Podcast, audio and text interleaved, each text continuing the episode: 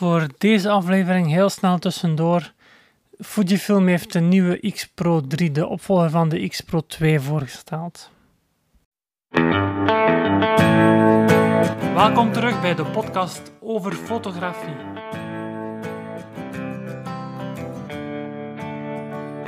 De Nederlandstalige podcast, volledig gewijd aan fotografie.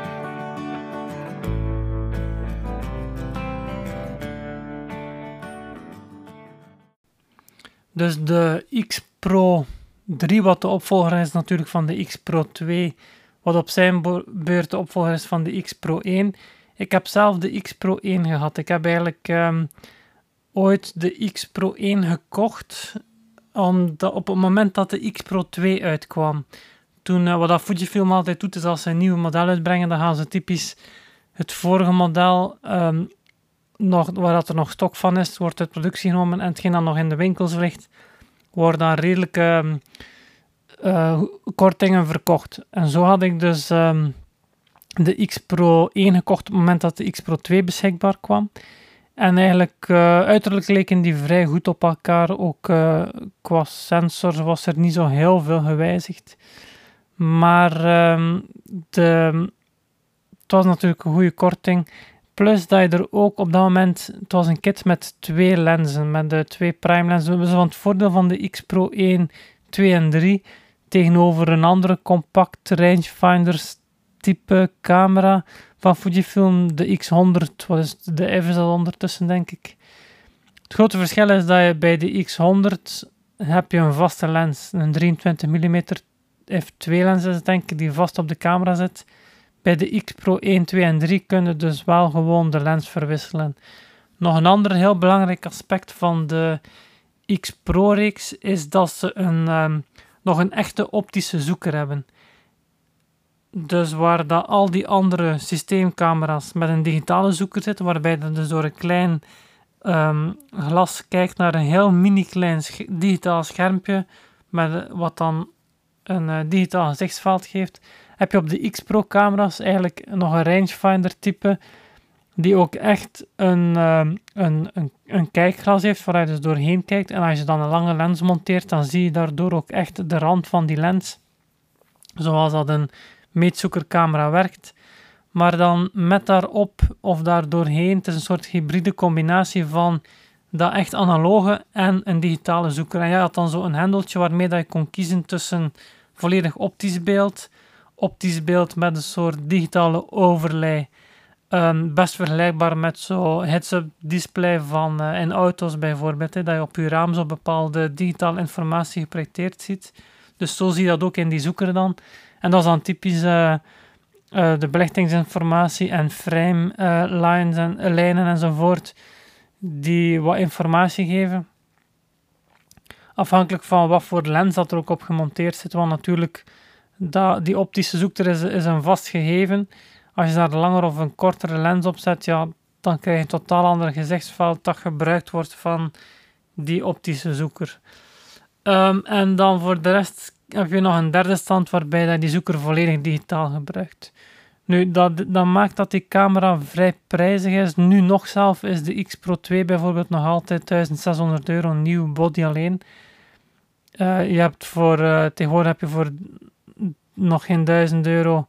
De XT2 is het geloof ik. Ook de XT3 bijvoorbeeld, wat al veel betere features heeft dan de X Pro 2. Heeft en een nieuwe sensor enzovoort. Heeft ook een aantal um, kost tegenwoordig ook maar 1400 of zo, denk ik. De prijs ligt ook lager. Hè? En je hebt meer uh, knoppen enzovoort, een grotere zoeker. En wat nog niet allemaal, sneller enzovoort. Alles is beter eigenlijk op de XT3. Maar de X Pro is wel een heel interessant uh, concept omwille van dat uniek gegeven van die hybride zoeker, dus zowel optisch als digitaal. Nu, ik heb in de, praktijk dus ook gebruikt, want ik heb die camera gehad, de X Pro 1 dan tenminste. Ik moet zeggen dat het gebruik ervan in de praktijk nogal tegenviel. Um, ten eerste heb je die afhankelijkheid van welk type lens dat erop zit. Nu dat heb je met elke meetzoekercamera ook, dat is gewoon een kwestie van daarmee leren om te gaan.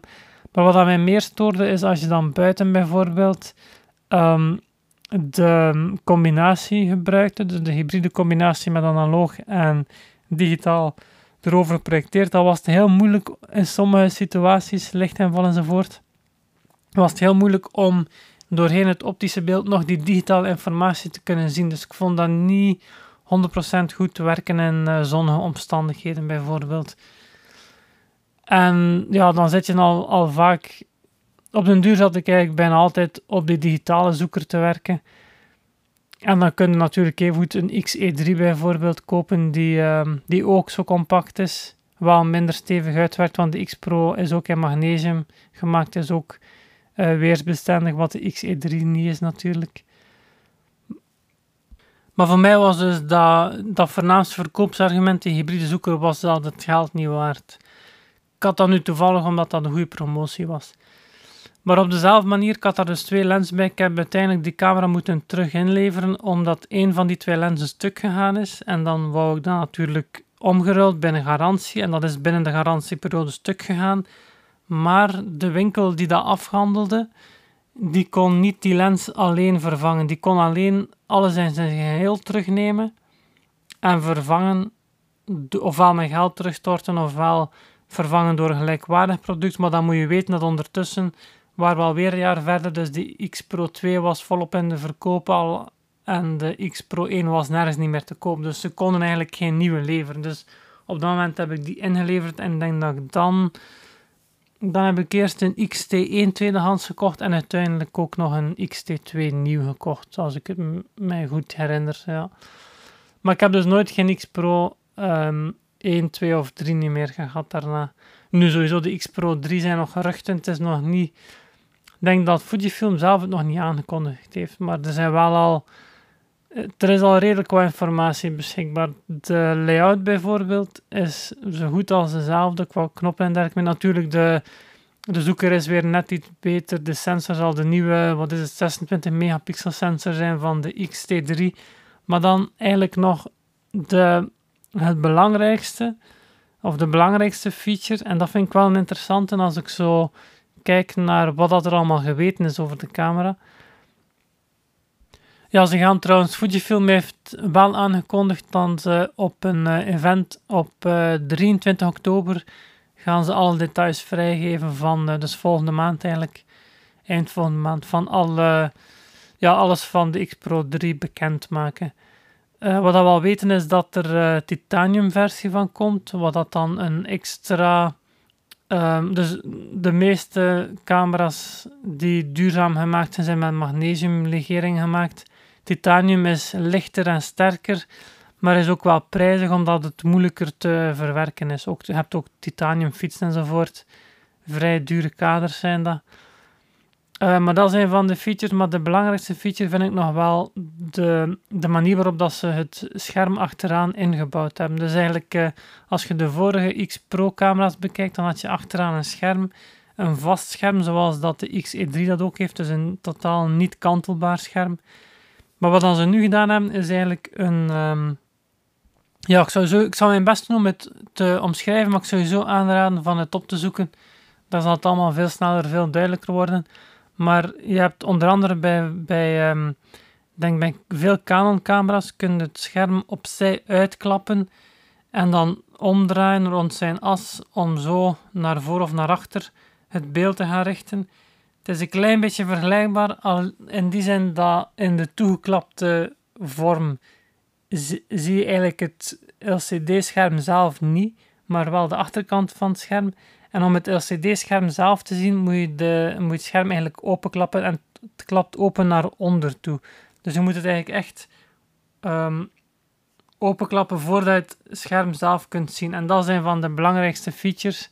Dat hebben ze natuurlijk heel bewust gedaan, omdat je zou fotograferen en bij dat fotograferen in je zoeker kijken en niet heel tijd op je scherm zitten kijken, want als je op je scherm zit te kijken, dan zijn er waarschijnlijk mooie momenten aan het missen terwijl als je je zoeker kijkt bij aan het fotograferen.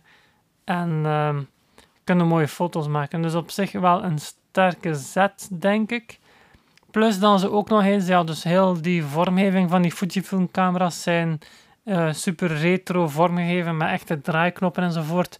Zelf persoonlijk moet dat van mij niet retro zijn, maar het feit dat daar die draaiknoppen op zitten en dat je dus met die draaiknoppen al je instellingen kunt gaan wijzigen en direct kunt met één opslag, oogopslag zien wat dat uw huidige instelling is, dat is voor mij wel goud waard. Dus dat, dat, dat vind ik wel een van de heel sterke punten van Fujifilm. Maar hier hebben ze dat dus nog verder gedreven. Je weet, je hebt de eh, XH1, die heeft zo'n OLED-schermpje. Dus met uh, een, een, zwaar scherm met witte lettertjes, uh, monochroom volgens mij. Waarbij dat je um, informatie zoals de huidige ISO-waarde, sluitertijd en diafragma, de, de, huidige instellingen, snel kunt zien. Bovenop de camera. Wel, die X Pro 3 krijgt datzelfde schermpje, maar op dus een heel klein compact schermpje, maar op de achterkant van dat grote LCD-scherm, dus dat je te zien krijgt als dat LCD-scherm dichtgeklapt is. En dan hebben ze ook, hier is duidelijk een kleurenscherm, dan hebben ze ook de mogelijkheid om um, op dat kleurenscherm onder andere uw ISO-waarde en uw filmsimulatie aan te duiden.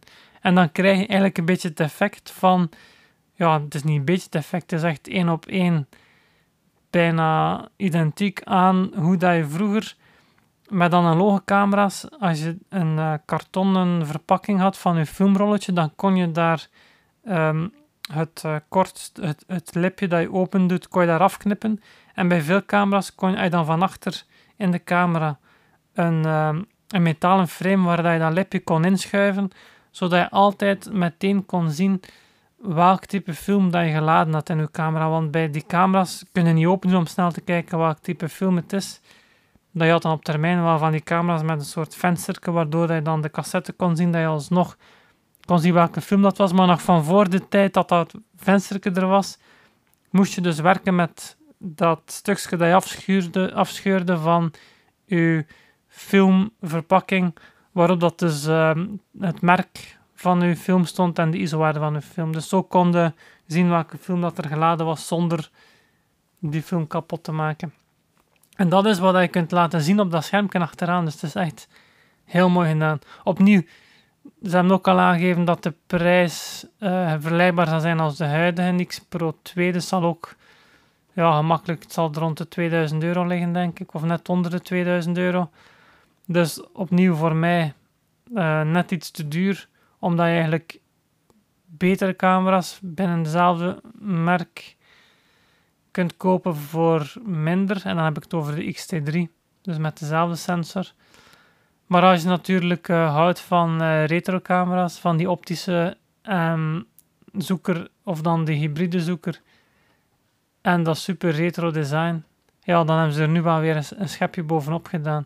En zeker als we het hebben over um, echt fotograferen Um, dus met modern materiaal, maar op een klassieke manier, waarmee dat ik wil zeggen dat je heel bewust afdrukt of niet afdrukt.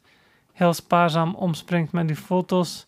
Enkel door je zoeker kijkt en niet heel tijd uh, zit te prutsen aan de instelling van je camera op het grote LCD-scherm enzovoort. Dan is dat wel weer echt een camera die, die daartoe aanzet. Dus eigenlijk uh, een camera die aanzet tot echt fotograferen. Dus een sterke zet van Fujifilm, dat gaat denk ik weer een heel, ja, een heel sterke camera worden.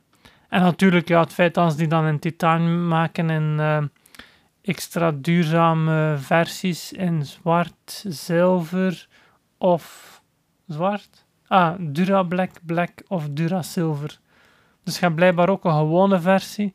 En naast de gewone versie heb je twee extra duurzame versies. Dus ik veronderstel dat die dan uh, hebben. Of betere weathersealing. Of een sterkere behuizing, iets in die zin. Ja, omdat veel van die camera's ook echt uh, gebruiksvoorwerpen zijn. Of echt nog gebruikt worden. Dat was natuurlijk de bedoeling van zo'n camera. En als je dan zo'n extra duurzame versie neemt, zal die waarschijnlijk langer uh, te misbruiken zijn. Maar ja, opnieuw een, uh, een duidelijk een goede zet en duidelijk dan ze kijken naar wat dat een echte fotograaf, waar een fotograaf naar op zoek is. En dan ze ook niet bang zijn om te experimenteren. Hè. Want uh, oké, ze hangen er een kantelbaar scherm aan, maar je kunt maar in één richting kantelen. En als je het niet kantelt of openklapt, dan zie je je beeld er niet op enzovoort. Dus ja, echt wel knap. Vernieuwend en knap. Bedankt voor het luisteren en tot de volgende. Zo, dat was het weer voor deze aflevering van de podcast over fotografie. Allemaal bedankt om te luisteren. Ja, als er vragen zijn, dan uh, mag je die altijd, of opmerkingen of uh, voorstellen van bepaalde onderwerpen of suggesties, wat dan ook. Je mag die allemaal doorsturen via e-mail naar hans.hcpl.be.